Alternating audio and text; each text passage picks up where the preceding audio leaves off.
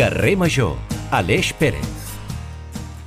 Molt bona tarda, com estan? Estan sintonitzant, com no pot ser de cap altra manera, Carrer Major, el programa de les 8 emissores del Camp de Tarragona. I avui, sí, avui tenim el Toni Mateos ballant la conga. És 30 de novembre i és la festa major d'hivern de la Selva del Camp, Sant Andreu. Per tant, avui el Toni m'ha deixat les claus del piset, així que els acompanyaré en aquesta hora que resta de programa, com en aquells moments en els quals els teus pares marxaven de casa i tu doncs, aprofitaves per fer una bona festa. Si alguna cosa que marca diferència en aquestes bones festes és la música. I segurament la majoria de vostès ja sabran que ella es va fer oficial l'Spotify Rapid 2023. Pels que van més perduts, els explico. És com un resum personalitzat que es fa cada final d'any a Spotify, la famosa plataforma sueca on milions d'usuaris escolten música cada dia. Bé, si han entrat a Twitter o Instagram ja hauran vist com tothom s'ha fet la so de quins són els seus artistes de capçalera.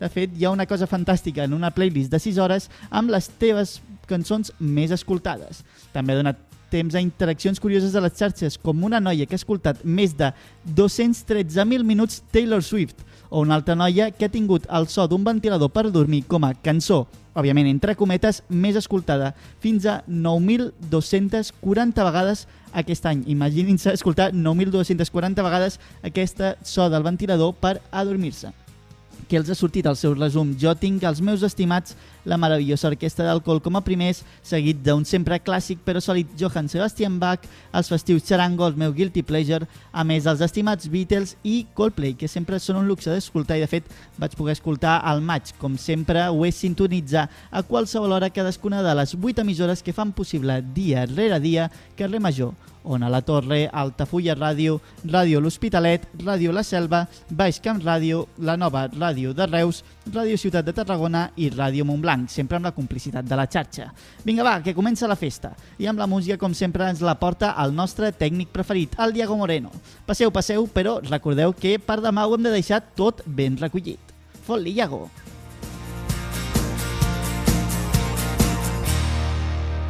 Tot el que passa al Camp de Tarragona t'ho expliquem a Carrer Major. Un aplaudiment per tots aquests que esteu mirant aquest vídeo des d'un mòbil que val 1.000 euros, perquè dieu que valoreu la qualitat. Però després un producte artesà de pagès us sembla car.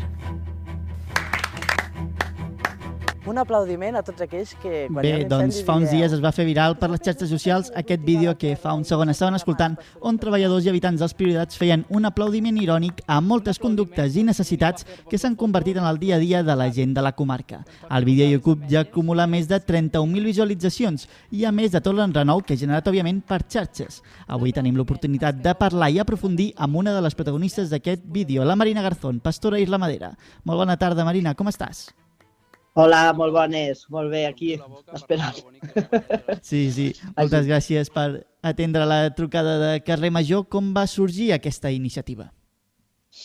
Bueno, érem un petit grup de, de joves pagesos d'aquí de la comarca, ens anàvem reunint cada setmana per, bueno, com ficar així una miqueta sobre la taula les inquietuds i les problemàtiques que teníem cadascú respecte cadascú al seu ofici, a, a les noves incorporacions i totes aquestes coses.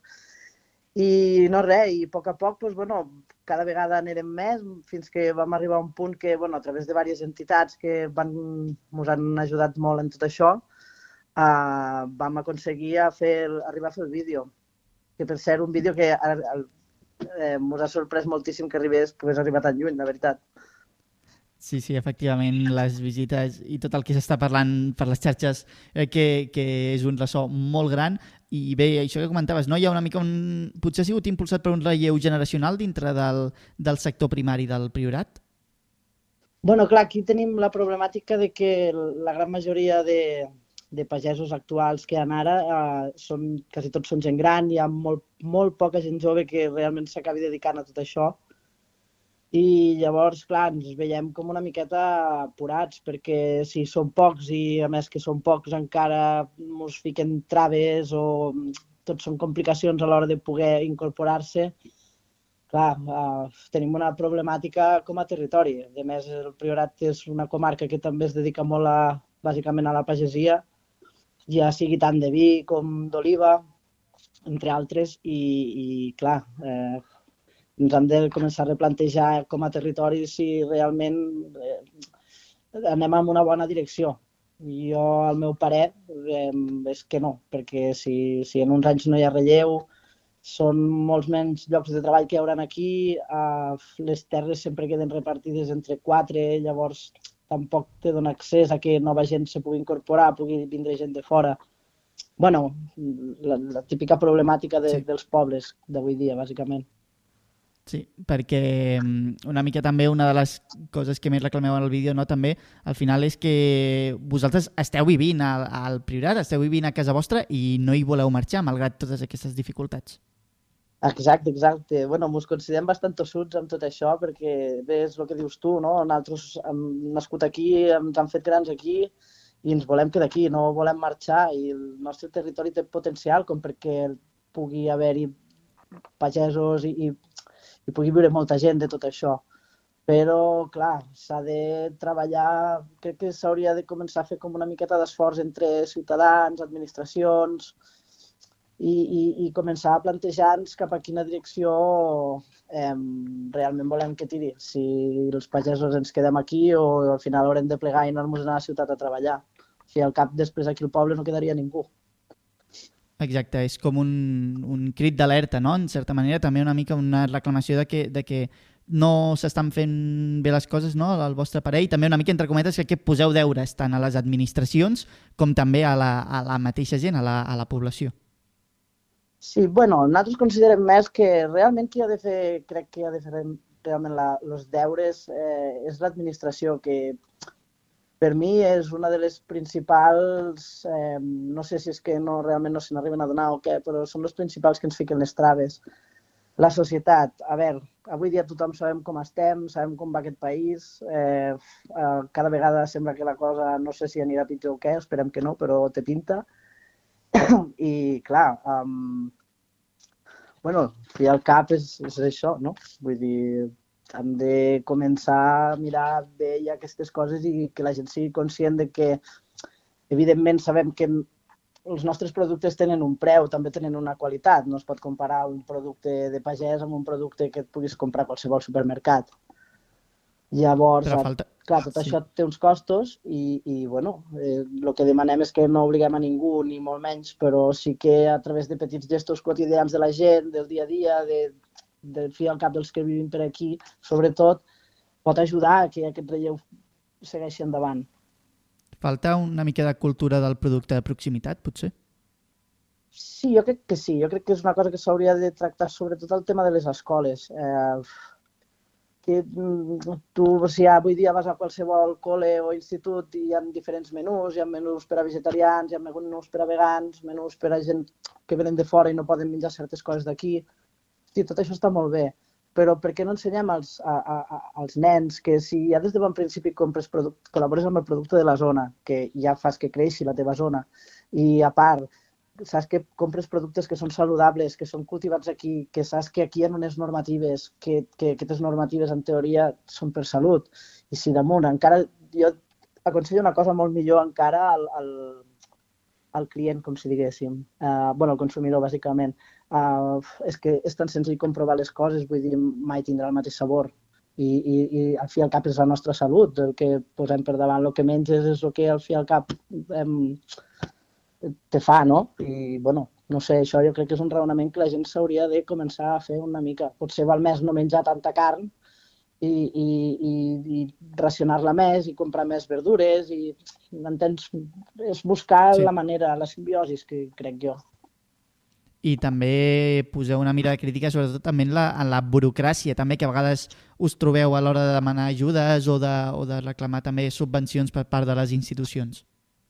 Sí, sí, clar, o sigui, ja, jo, mm, a veure, tot aquest tema de la, de la burocràcia, clar, si fossin coses que realment... O sigui, jo, mira, jo, per exemple, com a pastora, jo quan, cada vegada que he de fer burocràcia, papers i coses, les he de fer per doblat, perquè jo tinc que tindre un registre de paper a l'explotació per quan vingui, qui vingui a fer l'expecció, i és que a part tinc que, tinc que fer-ho telemàticament, és dir, jo quan arribo a casa, que hi ha molts dies que arribo que són les 8, les 9 del vespre, i marxo de casa a les 7 del matí, per exemple, clar, si m'he de liar a ficar amb, amb l'ordenador, a tornar a escriure un altre cop el que ja tinc escrit en un paper, per què cal tot això? Per què calen dobles passos? Per què no et poden demanar tot un, el procés directament des de bon principi, tot ja pas per pas, tot el que necessites? Una altra cosa també la dic. Uh, clar, la, la problemàtica que tenim nosaltres entre els horaris i tot això és que també uh, estem en una zona que és, és, és una miqueta trist, però al dia d'avui no, hi ha molts, molts puestos que no tenen cobertura saps? I jo, jo per exemple, sí. treballo amb uns collars GPS que estic en una zona que depèn cap en quina banda vaig, pues, o tinc cobertura o no tinc cobertura. Si no tinc cobertura no puc... Eh, no, no m'arriba el registre dels animals, m'entens el que et vull dir? Però, clar, si tot això ho apliques aquí, a més, cobertures, eh, doble feina... Clar, és que tot això jo no sé si és que és la mateixa administració que no se n'arriba a donar compte. Sí, perquè realment es veuen doncs, problemàtiques no? que jo crec que també les que expliqueu al vídeo també són les que viviu vosaltres en, en primera persona. Sí, sí, sí, clar, és, és el que dic. O sigui, clar, tot això va sorgir de, de, de les problemàtiques que, se, que ens hem anat trobant cadascú a l'hora de voler-se incorporar pues, al, al, al, al món agrari. Vull dir, los, los pagesos per una banda tenen la seva paperassa, els pastors per una altra banda en tenim una altra, llavors clar, no sé jo fins en quin punt... Clar, un dia va sortir, vaig escoltar en un, en un programa d'aquests de ràdio que, que una, no, no, no me n'en recordo exactament qui era, eh, però sortia parlant de part de l'administració dient que havien fet un equip de treball que portaven un any, un any i poc, si no m'equivoco, eh, per mirar de solventar tota aquesta problemàtica de la burocràcia. Que hi hagi un equip de treball durant tot un any sencer per solventar un problema de burocràtic que no sé, eh, jo per mi és una barbaritat, vull dir, realment sí, que... un any per fer tot aquest treball, no? Sí. no sé. I tampoc heu notat una diferència, no?, a l'hora de, de, no. de tota aquesta no, no. agilització de la burocràcia, no, no hi ha hagut cap canvi en els últims temps. No, no. Jo, jo per lo que he pogut veure, no. Jo porto bastant temps intentant obrir. Jo també vaig decidir al seu moment, quan vaig començar tot això de, de, de muntar l'explotació d'extensió de cabres i ovelles, jo he començat sense subvenció, per exemple. Jo no, no he tingut cap tipus de subvenció eh, i tot el que vaig poder fer i avançar no ho faig doncs, de les altres dues feines que tinc. Vull dir, o sigui, imagina't sí. fins en quin punt està de deteriorat tot aquest tot el sistema agrari, vull dir, és que és, és, és patètic i hi ha molta gent que està igual que jo, saps? Sí. Per tant, quines haurien de ser o quines reclameu que són les vies de treball per solucionar i capgirar aquesta situació que mal malauradament esteu vivint? Bueno, primer és això, eh, que, que cadascú faci la feina que li pertoca. Nosaltres segurament també tindrem moltes coses a poder millorar dintre de, de la nostra feina i tal, i intentem fer-ho. Uh, doncs crec que la resta de gent hauria de fer el mateix, ja sigui la, la societat com a realment arribar a aquests raonaments de, de, del per què tot va així o, o per què és tan difícil fer això quan això és una cosa bàsica i, i, i vital per als pobles. I, i després, eh, bueno, no sé, a part de les administracions, a part de tot el papeleo, a veure com... Que, on, on, a veure si averigüessin ells on tenen ells l'error. Vull dir, perquè que una administració permeti que, un, que tot això funcioni així i, i tots els tràmits siguin els que siguin i fotin tantes traves, Uf, eh, tenen feina, eh? Sí. Vull dir. Clar, a més, imagino també que darrere també hi ha un desgast al dia a dia, no?, emocional i mental molt gran a part del físic que entenc que la mateixa feina inclús comporta. Sí, sí. Jo, mira, jo vaig estar, crec que vaig estar a vora uns vuit mesos, si no m'equivoco, en poder obrir l'explotació, eh, demanant-me dies de feina, de festa a la feina per poder anar a buscar papers, eh, intentant treure calés d'on fos, perquè clar, és que a més tots aquests tràmits tenen un cost saps? I aquest cost també l'ha d'assumir la persona que vol obrir, que, que vol incorporar-se. Llavors, clar, eh, enginyers, costos burocràtics, vull dir, és que és, és una barbaritat. Eh, és una cosa que jo crec que el sector primari, si, si no canvia, està abocat a que mai sigui un, un, un sector que sigui viable i que mai ens portarà a poder arribar a la sobirania alimentària. Sí. I bé, aquesta iniciativa l'heu impulsat des de la pagesia jove del Priorat. No sé ara mateix com, com heu rebut aquest, aquesta difusió, aquest gran impacte i també si planegeu en un futur també fer alguna acció més. Bueno, al principi no ens ho plantejàvem. Al principi era el simple fet de fer el vídeo i, i poder moure una miqueta de consciència, sobretot prop de, de, de la comarca i, bueno, de, de, de, de, de, més a prop, saps? Però veient que el vídeo ha tingut l'efecte que ha tingut i tot, creiem que és un bon moment per treballar i per començar a fer veure aquestes coses i seguirem fent accions, ens seguirem reunint i mirarem a veure com, com podem arribar a encarar tot aquest, tot aquest projecte que, mira, ha començat sent una cosa molt petita i per lo que es veu, pues, pinta ser bastant gran. Sí, sí, sens dubte a les xarxes socials eh, sóc conscient de que hi ha hagut un gran ressò i bé, ho anirem deixant per aquí. Moltíssimes gràcies, Marina Garzón, pastora ramadera i també protagonista d'aquest aplaudiment irònic no? a, a, tota, a, totes sí. les, a totes les administracions. Moltíssimes gràcies pel teu temps, per venir a explicar la teva situació que estàs vivint, la de tots els teus companys del Priorat i esperem que millori en un futur. Vale, moltes gràcies. Jo, si no et sap greu, m'agradaria fer no res, eh, un, un petit apunt eh, sí, sí. sobre el tema de, de tot això de, del risc d'incendis i totes aquestes coses. Crec que també és una cosa que també ens hauríem de començar a plantejar com gestionem tots aquests boscos que cada vegada són més grossos, cada vegada es mengen més les poblacions, que hi ha molta gent que està disposada, o sigui, no disposada, que de fet el que volem és treballar d'això, que al fi al cap la nostra feina és limpiar boscos i que aquests manteniments i, i, i, i aquest eh, poder tindre zones netes on puguis tu anar a passejar a l'hora de fer els caminets i totes aquestes coses, tot això té, té un valor i crec que l'ofici de pastors hauria de ser una cosa que s'hauria de començar ja a, a valorar més amb aquest aspecte, perquè pot ser una gran barrera contra els incendis. Exacte, ja que també al final no? hi, ha un, hi ha un ecosistema que també permet a eh, les feines que, que es fan al, al camp també doncs, prevenir els incendis, com en aquest cas comentaves. Exacte, exacte. O sigui, jo, per exemple, jo em dedico més a, a la limpiesa de bosc que a poder fer sacrificis d'animals, per exemple. Sí. Saps? I és una Don... cosa que un, un pastor pot viure i, i animo a, molt, a molts pastors que es puguin, puguin agafar i, i encarar-ho més cap aquí també. Exacte, i també esperem no, que en un futur tot aquest pack d'ajudes també pugui no, facilitar a la gent que vulgui introduir-se al món de la pagesia, també a, a Carrer Major també hem anat comentant diferents iniciatives com els Espaiters, que també estan començant al Priorat. Esperem que això no sigui un, un oasi no? al mig del desert. Sí, no, no, és, és, és això. Esperem que, que tot això tingui un fruit i, i és el que diem, que permeti a molta més gent poder accedir i animar els nous joves a que a, a que treballin la terra, que es pot viure de la terra, sempre i quan la, tothom faci la feina que li toca fer.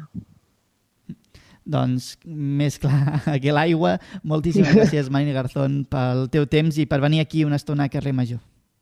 Vale, moltes gràcies a vosaltres. Adeu. Adeu. Les realitats del Camp de Tarragona a Carrer Major.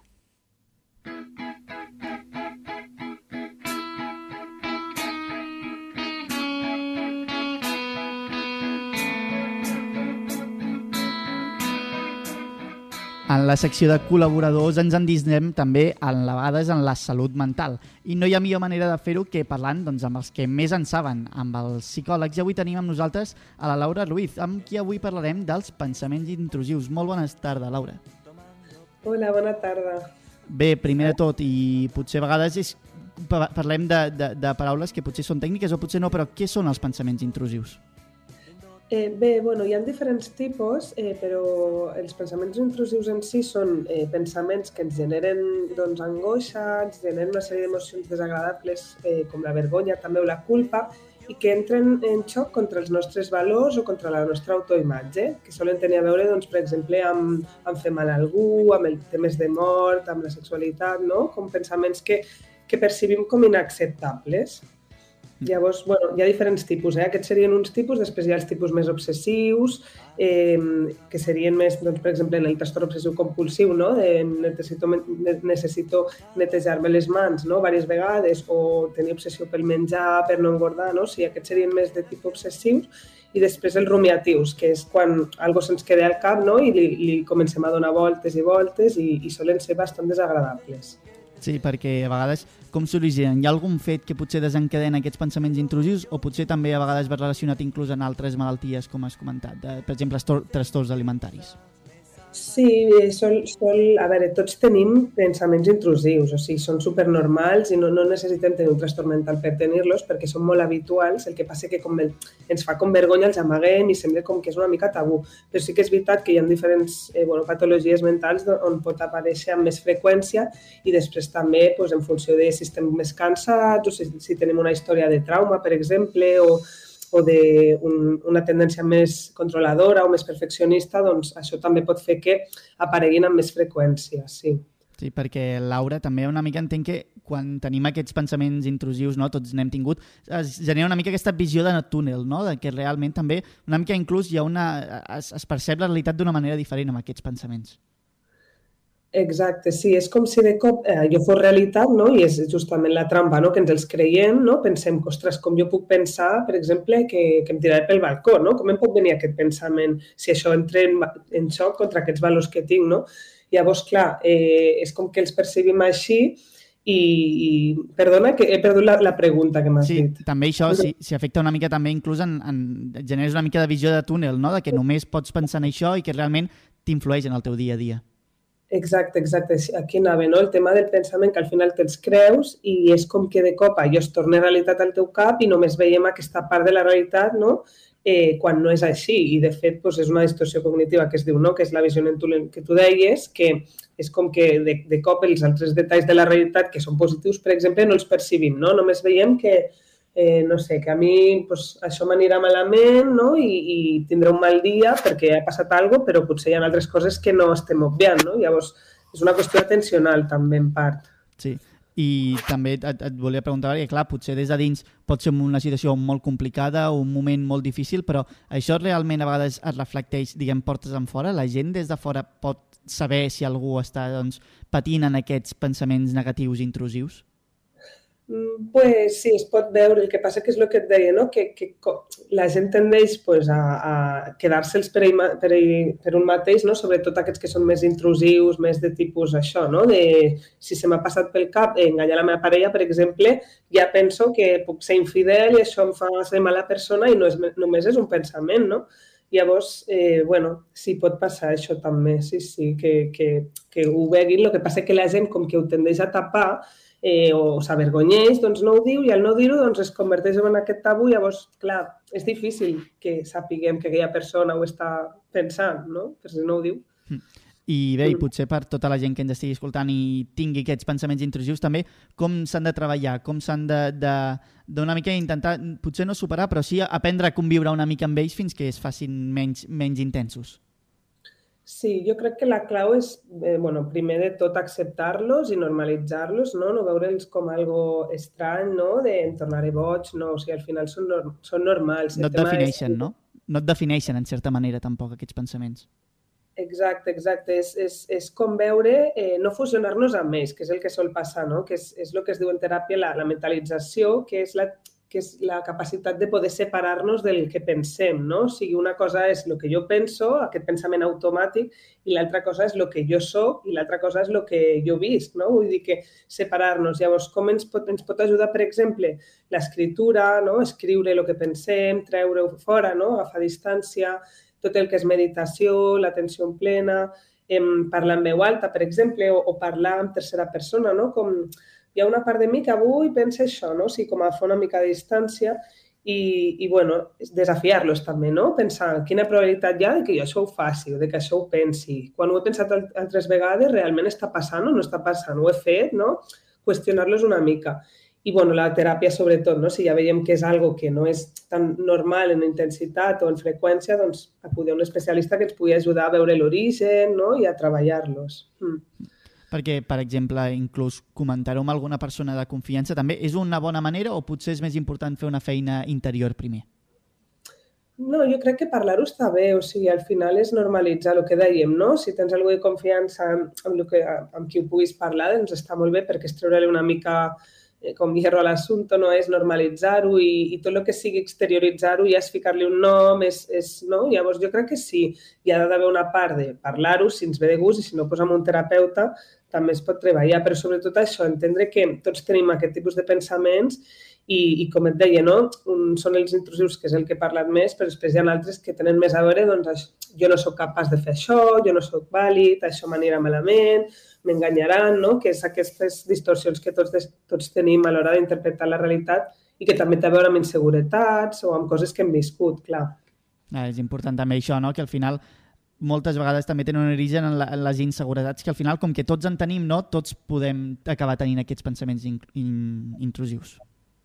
Exacte, sí, sí. Normalitzar-ho i, i bueno, parlar-ho i, i perdre-li una mica la por, perquè és el que et dic, no? que al final pensar una cosa no vol dir fer-la i, tampoc, i pensar-la no vol dir tampoc tenir el desig de fer-la, perquè al final són pensaments automàtics. Una cosa és que jo faci una reflexió d'algo, no? de vull fer això i ho penso conscientment i ho escolleixo, i una altra cosa és el que a mi em ve al cap perquè he viscut X coses o, no? I, i, i no és el mateix. Imagina't no? que jo doncs, estic molt cansada aquell dia i em comencen a venir, doncs, no sé, estic per la carretera i penso, i, i cinc tiros. No vol dir que em vulgui tirar, no vol dir que vulgui fer un belantazo. Potser, en comptes d'obsessionar-me amb intentar controlar-los o eliminar-los, és com, bueno, treure una mica importància, vale, pues, ostres, potser avui estic cansada, no? Avui quan arribi a casa descansaré, no? O sigui, és una mica saber que estan allà i, i, i no donar-los més, més, més tregua, no? a no ser que siguin ja que interfereixen, que llavors sí que s'han de treballar, jo penso. Efectivament, i al final també no, aquests pensaments intrusius, doncs malauradament no van sols, no? Aquest pensament intrusiu ve acompanyat això d'estar molt cansat, d'estar molt estressat per alguna cosa concreta o tenir alguna malaltia que potser et, et fa sentir malament, no? És, és una mica un, un afegit a vegades també a les situacions que tenim al nostre dia a dia. Exacte, exacte. I, i al final eh, jo crec que això té a veure molt amb conèixer-nos a un mateix, no? amb aquesta introspecció que dèiem, no?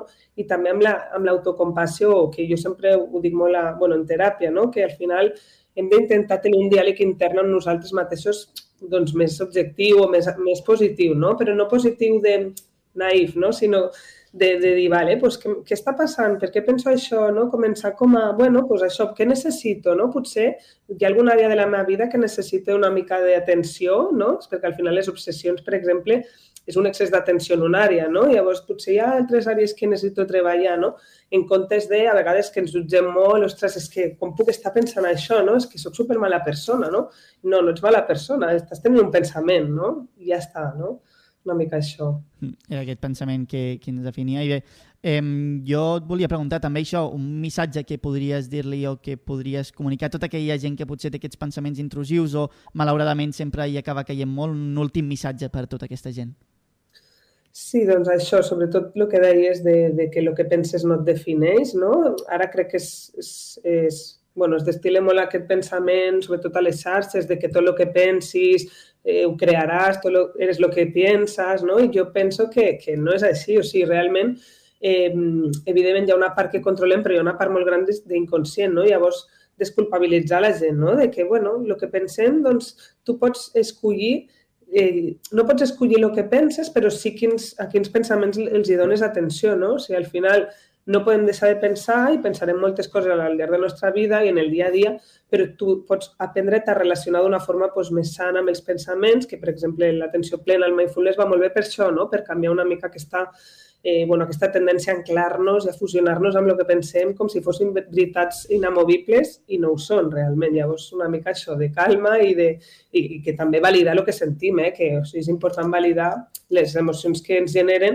aquests pensaments, però justament el que, el que ens genera aquest malestar tan gran és, és, és que lluitem contra ells. No, no és tant el pensament, sinó que ens enganxem, ens enganxem a aquesta gestió. No? Jo crec que s'ha de, de treballar això.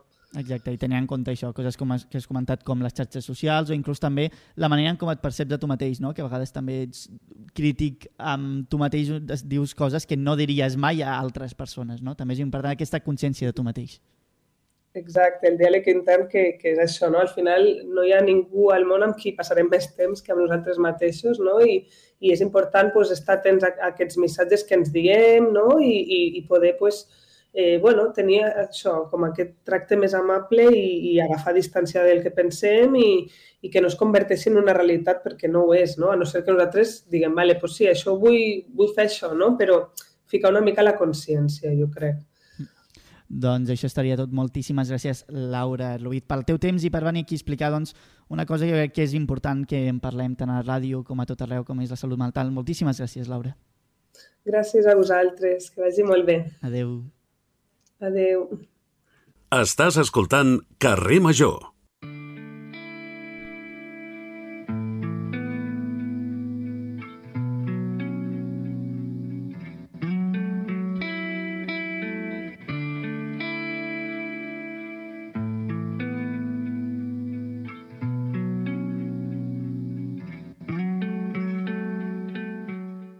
Hace mucho conduciendo un Ibiza. Años después le escribí por el Insta. Parece buena niña, pero mata deprisa. Igual que mis noches con seis cubatas encima. Viento, arena, el parking de un cine. Adicto a sus tejanos, subir sin y rime. Coleccionaba chicos, algo. Carrer Major també és sinònim de música i la música, òbviament, ens la porta cada dia el David Fernández des de la nova ràdio de Reus. M'agrada perquè la música d'avui és una mica greu, una mica també em recorda en aquesta gent, no?, que aquí està una mica una mica una visió derrotista de la vida, però que tot i així es mou i s'impulsa per fer música. Anem a veure què ens ha preparat el David Fernández per avui. Molt bona tarda, David. Hola Toni, hola Aleix, molt bona tarda. Avui, per escoltar la banda sonora del dia, fem parada entre els municipis de Cambrils i Reus. Cambrils perquè el nostre protagonista és d'aquest municipi i Reus perquè és allà on viu en l'actualitat. Estem parlant de en Boris Beats, un músic del qual n'hem parlat altres vegades aquí al carrer Major.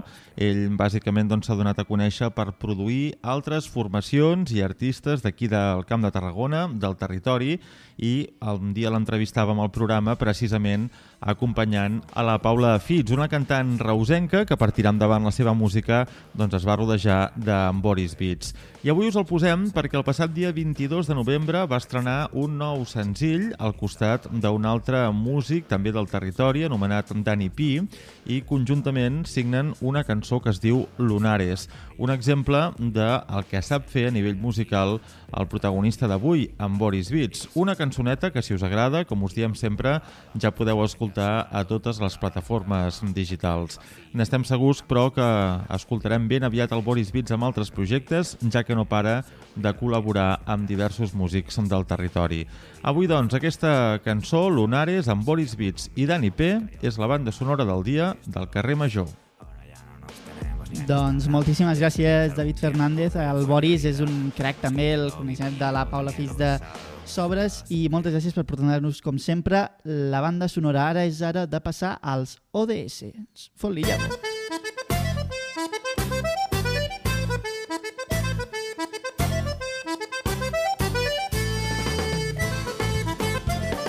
Seguim ara amb els ODS, uns objectius de desenvolupament sostenible als que fem parada tots els dimarts i dijous.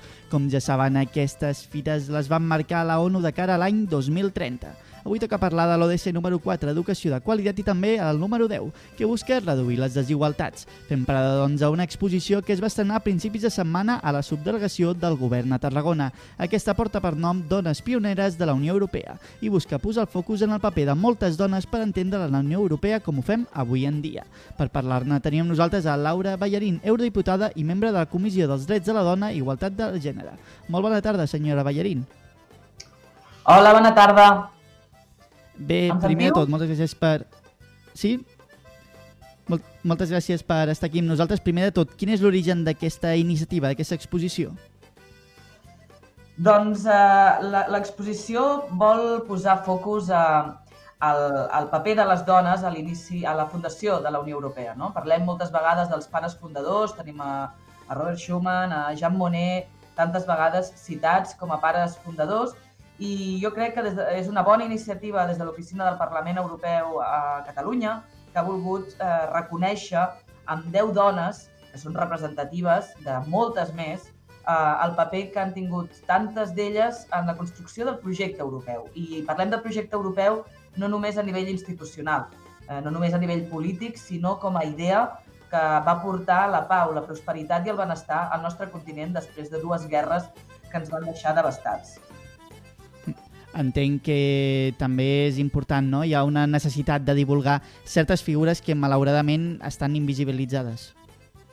Sí, així és. Eh, com, com he comentat, dones eh, pioneres, eh, referents en els, seus, en els seus àmbits i molt desconegudes. Algunes sí, algunes hem posat més èmfasi. Jo crec que, que la societat, eh, per exemple, a casa nostra, a Espanya, eh, coneixem molt a la Clara Campoamor, no? Se li ha fet eh, molts, molts homenatges, destacada advocada i política, va ser la principal impulsora del sufragi femení a Espanya. I, i, i crec que bueno, doncs és una figura, per exemple, doncs, que aquí a casa nostra la, la tenim més eh, reconeguda i aquí a Brussel·les, de fet, l'any 2021 el Parlament Europeu li va, la va homenatjar de tal manera que ha posat el seu nom a un dels edificis del Parlament, a iniciativa del grup socialista. No? És un exemple, doncs, potser, d'alguna eh, d'una d'elles que va ser més coneguda, però també tenim Anne Lind, nascuda a Estocolm, eh, una de les figures més influents de la política sueca moderna i una de les principals impulsores de la participació de Suècia en el projecte europeu. No? Va ser una socialdemòcrata eh, molt compromesa amb el projecte europeu i, de fet, tant que l'any 2003 va liderar la campanya del govern suec a favor del sí al referèndum sobre la, la instauració de l'euro al, al país i tres dies abans de la consulta Anne Lind va ser assassinada per un desconegut.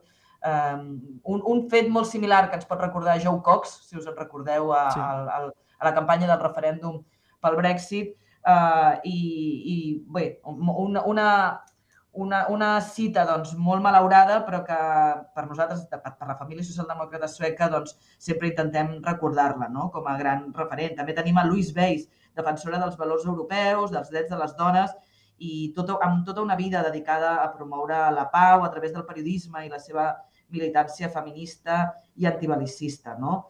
Um, L'any 79, ella, per exemple, va, va obtenir un escó a les primeres eleccions al Parlament Europeu directes i, i va, va participar en un discurs a la, a la inauguració. També té el principal edifici al, al, al, al Parlament d'Estrasburg. Sí. Totes tenen, doncs, potser una mica no? un, un, un eix en comú, que són dones preparades i molt importants en la, en la història de, de la Unió Europea. Com han intentat també transmetre tota aquesta informació? Entenc també en un context de, 2000, de 2023, de segle XXI, on les xarxes socials també tenen un gran impacte. Doncs bé, comencem per, per aquesta exposició que és itinerant. Uh, ara, ara està la subdelegació de, de Tarragona i convido tothom a, a visitar-la.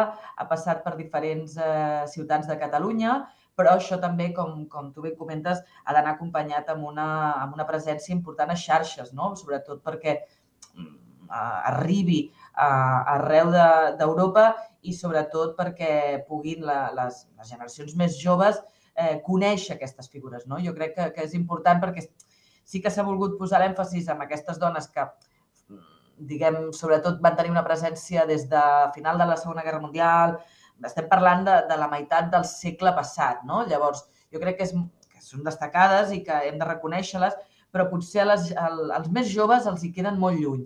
Per tant, jo crec, crec que sí que el, el paper de les xarxes socials és molt important per, bueno, doncs perquè ells puguin eh, que els hi piqui la curiositat, no? I dir, escolta'm, qui va ser Urs Úrsula Hirschman, per exemple, no? Quan la vegin, a, a, quan vegin el cartell a la subdelegació del govern. Bueno, doncs, doncs que la busquin i que vegin que va ser una activista antifeixista i considerada eh, una de les impulsores del moviment europeu. O Simone Weil, per exemple, no? que és una eh, francesa eh, amb una història espectacular. Li van fer una pel·lícula fa poc i, i recomano a tots si, si la poden veure l'any passat, de família, nascuda l'any 27, família jueva francesa, va ser detinguda i deportada i va, uh, va estar al camp de concentració d'Auschwitz-Birkenau, no? I va arribar després, uh, va ser ministra de Salut a França, impulsora del dret de l'avortament i va arribar a ser la presidenta del Parlament Europeu. Crec que aquestes figures són, són importants i sobretot en un context d'auge de, um, de l'extrema dreta on ens volen invisibilitzar i ens volen, diguem, fer eh, retornar als llocs eh, més obscurs de la història passada. També, això han sigut alguns tastets, també convidem a que tota la gent faci parada i vingui a conèixer tots aquests 10 casos. També volia preguntar-li per la importància que també que té que, que aquestes exposicions puguin voltar per tot el territori i també facin parada aquí a Tarragona, al, al Camp de Tarragona, però també a les diferents províncies de, de, de Catalunya. Sí, perquè és que a, Europa som tots, no? A Europa som tots els territoris, totes les províncies i tots els municipis. Jo crec que eh, la, les, les branques que tenen l'Oficina del Parlament Europeu, en aquest cas a Catalunya, són importants precisament per això, per apropar a Europa al ciutadà.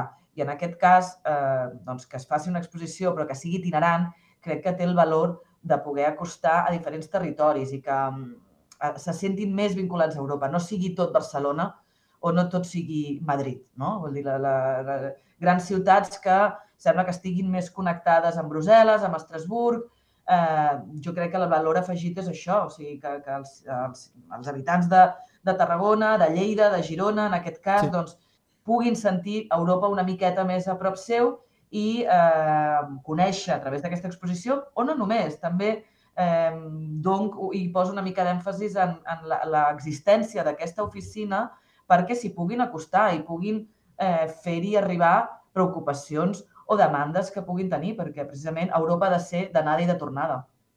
També entenc que és un d'aquest, no? Un dels seus grans objectius des de tant la Comissió dels Drets de la Dona i Igualtat de Gènere com de tota l'estructura europea també, no? Que la gent s'impliqui, conegui i, i sigui coneixedora de tota la feina que s'està fent tant a Brussel·les, tant l'estructura de la Unió Europea, com també aquí a casa nostra. Sí, eh, evidentment és una de, la, de les tasques més fonamentals i nosaltres com a representants europeus, com a eurodiputats o eurodiputades, eh, jo personalment m'ho prenc com un, un dels grans deures. Eh, aquí fem moltíssima feina, fem moltes lleis que canvien la vida de, dels ciutadans eh, de manera eh, espectacular i no només estem parlant de grans projectes, no? com la transició verda, la transició que, que ha de fer canviar el model productiu industrial de, de les nos, del nostre país, sinó amb coses molt, molt concretes. Jo també estic a la Comissió de Mercat Interior i Protecció als Consumidors, on estem regulant el carregador únic, que és una cosa que crec que tothom pot entendre que va en la línia de reduir el rebuig medioambiental que suposa tenir carregadors diferents per iPhone, per Android, per Google. Mm, quants de nosaltres a casa nostra, el pare, la mare, el germà, tenen diferents carregadors i, i, i és un horror, no? Eh, llavors, bueno, sembla, sembla que sigui una cosa petita, però no, això també és Europa, no?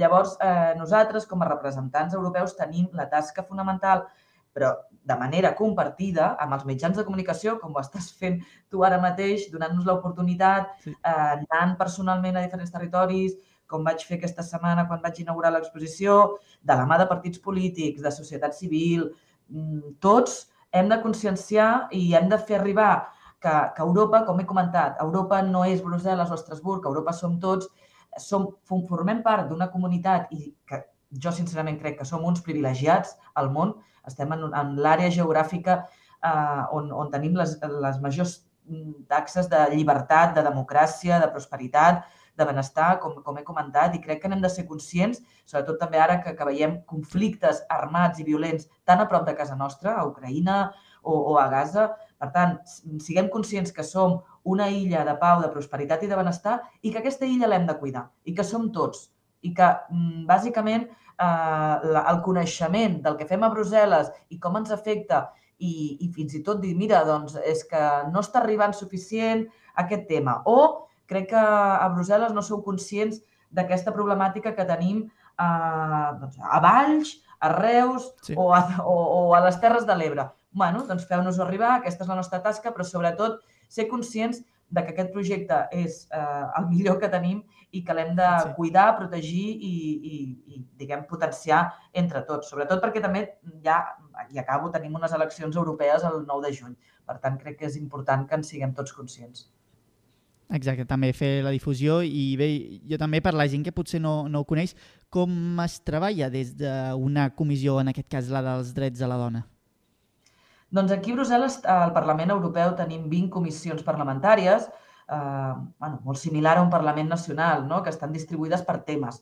I a cada comissió hi ha un nombre de diputats i diputades que representen a diferents grups polítics. No? I, i hi ha un president, una, una mesa amb, vice, amb, amb vicepresidents, vicepresidentes, i a les comissions, bàsicament, el que fem és treballar sobre propostes que ens envia la Comissió Europea que en poques paraules seria el govern de, europeu, no? Eh, amb, amb molts matisos, però no, no, no vull entrar-hi. Llavors, el govern fa propostes de legislació, propostes de lleis, i des del Parlament doncs fem, les nostres, eh, fem els nostres informes, que bàsicament és opinar sobre aquestes, aquestes propostes. Fem les nostres esmenes, eh, ho treballem, parlem molt eh, amb, sí. amb col·lectius, amb, no? amb, en aquest cas, doncs, amb associacions feministes i doncs, per enriquir aquestes propostes i el que fem és molt debat intern amb diferents grups polítics i això és la gran batalla i com us podeu imaginar a la Comissió de Drets de les Dones ja sí que hi ha una sensibilitat molt alta per avançar en l'agenda feminista perquè les diputades, majoritàriament també hi ha diputats que formen part d'aquesta comissió, doncs ja, ja diguem que tens una, una conscienciació en aquesta causa, sí. però no només. Tenim una diputada de Vox que no, bueno, no et pots imaginar eh, ella doncs, eh, té un, un punt de vista molt, molt allunyat al nostre. Bé, això és Europa també, i debatim, ella ens, ens posa els seus punts de vista, nosaltres els nostres, eh, i després al final s'acaba votant i quan hi ha majories traiem un text que va al ple del Parlament Europeu i llavors doncs ja s'aprova. Sí, llavors és, exacte. Que, que és molt important també, més enllà de tota la feina que, que es fa també divulgar com funciona la Unió Europea. Moltíssimes gràcies, Laura Ballarín, eurodiputada i membre de la Comissió de Drets de la Dona i Igualtat de Gènere, per apropar aquesta exposició i també parlar una mica de l'Estat i com funciona la Unió Europea. Moltíssimes gràcies. Moltes gràcies a vosaltres per la feina que feu i animar a tothom a que visiti l'exposició. Bona tarda. Bona tarda. Doncs bé, ara sí que ja després dels ODS és hora de sí com m'agrada aquesta música perquè aquesta música és sinònim de furgoneta i si tenim la furgoneta és sinònim òbviament de la Cristina Artacho, la nostra representant de Baix Camp Ràdio que crec que avui doncs, ha fet un clàssic, ha fet un clàssic entre els clàssics i se n'ha anat a Reus, a la capital del Baix Camp, jo crec que a posar-se una mica les botes. Per on pares, Cristina? Molt bona tarda.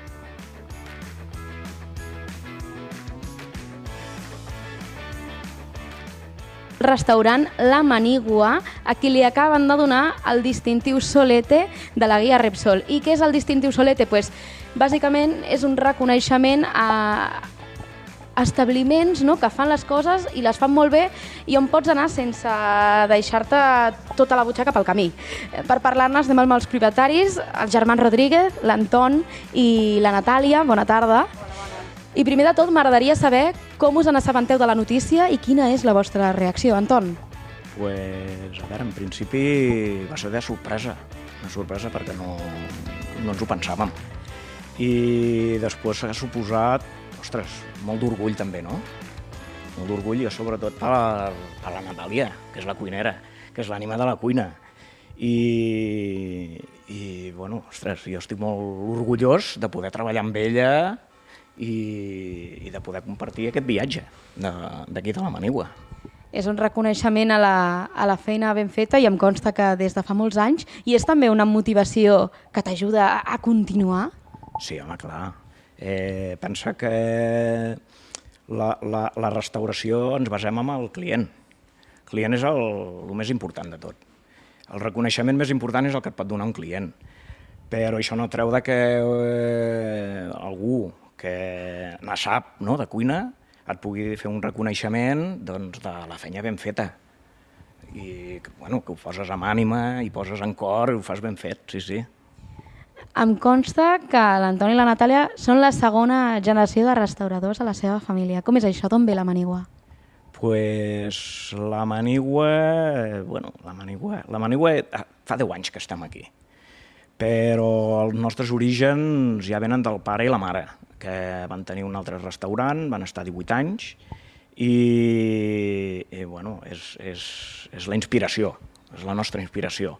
Quan nosaltres vam baixar aquí, doncs vam continuar fent el mateix que havien fet ells, simplement, i agafant tota aquesta cuina no, eh, tradicional que ens va ensenyar la mare, i aportar-la doncs, a el que són els esmorzars. Els pares sempre havien apostat per l'esmorzar, però era un esmorzar més tradicional, no? el de la sardina de la costa, les arengades, eh, la llangonissa... Això és l'ABC de la de l'esmorzar de forquilla. Eh? Nosaltres aquí hem procurat donar-li un tomet, hem procurat eh, introduir pues, tot el que són guisats i potenciar pues, tot el que, per desgràcia, la gent no es fa a casa. Abans sí que la gent no? que guisava, no? tenia les àvies que guisaven i tal. Ara tot això s'ha perdut. Nosaltres aquí el que mirem és d'agafar tota aquesta cuina no? tradicional de l'àvia i portar-la pels esmorzars, que en definitiva és, per mi, el, el millor àpat que hi ha. La filosofia de la manigua aposta clarament per l'esmorzar de forquilla, vamos, aposta segura, però no només als caps de setmana, cada dia. Cada dia. Cada dia tenim un ventall de plats guisats eh, macos, macos, per, per, perquè la gent pugui disfrutar de dilluns a dissabte. I, i bueno, ens basem en això, vull dir, amb, amb, amb aquest plat guisat, no? que en definitiva doncs, és la nostra especialitat, el que són els guisats, i, i que puguis disfrutar no? d'un esmorzar de tota la vida, com els d'abans, no? sucant el pa, xerrant amb els companys, al final vas a esmorzar amb els amics també, no? Eh, I això és, el que ens, eh, és una, una de les coses que ens agrada, no? que normalment esmorzar sempre vas amb els amics, hi ha una conversa, hi ha un ambient molt xulo. Sí. I per parlar d'aquests guisats, ningú millor que la Natàlia, que és la, la cuinera d'aquí de la Manigua. Són els guisats la teva especialitat? Eh, sí, és el xup-xup és el xup-xup de l'àvia i, i és la paciència, més que res, perquè tot pues, té el seu temps. Quin és el plat estrella o quin és el plat que els clients et demanen més? Què es ven més? Pues igual els peus de porc amb trompetes i últimament, clar, també depèn de l'edat del, del client. El cruixent de cansalada també està sortint molt bé. Perquè, Anton, moltes vegades relacionem els esmorzars de forquilla amb, amb la gent gran. Aquest perfil està canviant? Ha canviat? Sí, sí, sí a poc a poc va canviant. Eh, possiblement tapar-lo de fa 10 anys, pues, al principi de nosaltres estar aquí sí que hi havia un perfil de client de gent gran, jubilats, eh, excompanys de feina... Tot això està canviant, eh? Hi ha molta gent jove que, que, que ha provat l'esmorzar de forquilla i, i que no pot deixar. I s'ho combinen, no? S'ho combinen un cop a la setmana, un cop al mes, per, per venir, i, però no només provar l'esmorzar aquí, eh? Hi ha, hi ha llocs molt xulos, eh? I llavors hi ha gent que fa la seva rotilla, no? Que van aquí, mira, allí me puc menjar uns bons callos, allí em puc menjar uns bons peus. I van donant el tomet i, i sí, sí, cada vegada hi ha molta més, molta més gent jove. I ja per anar acabant, a mi m'agradaria saber si aquest solete ha canviat la vida de la Manigua. Mm, heu, esteu rebent més clients després d'aquest reconeixement? No? Amb els clients habituals fidels? Clar, és que nosaltres tenim una clientela molt fidel. Eh, sí que potser hi ha hagut una punta més de fenya, una punta més de fenya, però bàsicament el Solete el que ens ha portat és mm, com un, el reconeixement a la fenya ben feta, no? I el reconeixement a l'aposta que nosaltres vam fer quan vam tornar de pandèmia, que vam dir, ostres, anem a, anem a enfocar tota la cuina, anem a focalitzar tota, aquest, tota aquesta energia que té la Natàlia, eh? la focalitzem amb els esmorzars, amb els guisats, i, i amb això estem. Amb això estem. I, bueno, és això, no? una mica el reconeixement de que la feina i l'aposta que vam fer, que era una mica arriscada, doncs el que sembla que funcioni bé. Doncs ja ho sabeu, visita obligatòria aquí sí. a Reus, venir al restaurant La Manigua a fer un esmorzar de forquilla amb els guisats increïbles de la Natàlia i amb el servei superproper de l'Anton. Moltíssimes gràcies als dos i res més, ens veiem a la propera furgó. Adeu. Adeu, Cristina. Escolta, jo que sóc una persona... Doncs jo també em puc considerar un client fidel de la Manigua. No coneixia doncs, els, els secrets de, de, de Natàlia, en aquest cas, tota aquesta especialització en guisats. Bé, jo crec que això també és patrimoni del Camp de Tarragona i sí, sí, és cert, els joves també anem a fer esmorzars de forquilla. El que passa és que ara ja no tenim temps per més, ha sigut un dia molt intens, toca posar el punt i final en aquest carrer Major i res, els estarem esperant aquí, com sempre, demà, que ja és divendres, aquesta vegada amb el magnífic i espectacular Toni Mateos, i res més que agrair-los la seva presència i ens veiem demà. Adeu!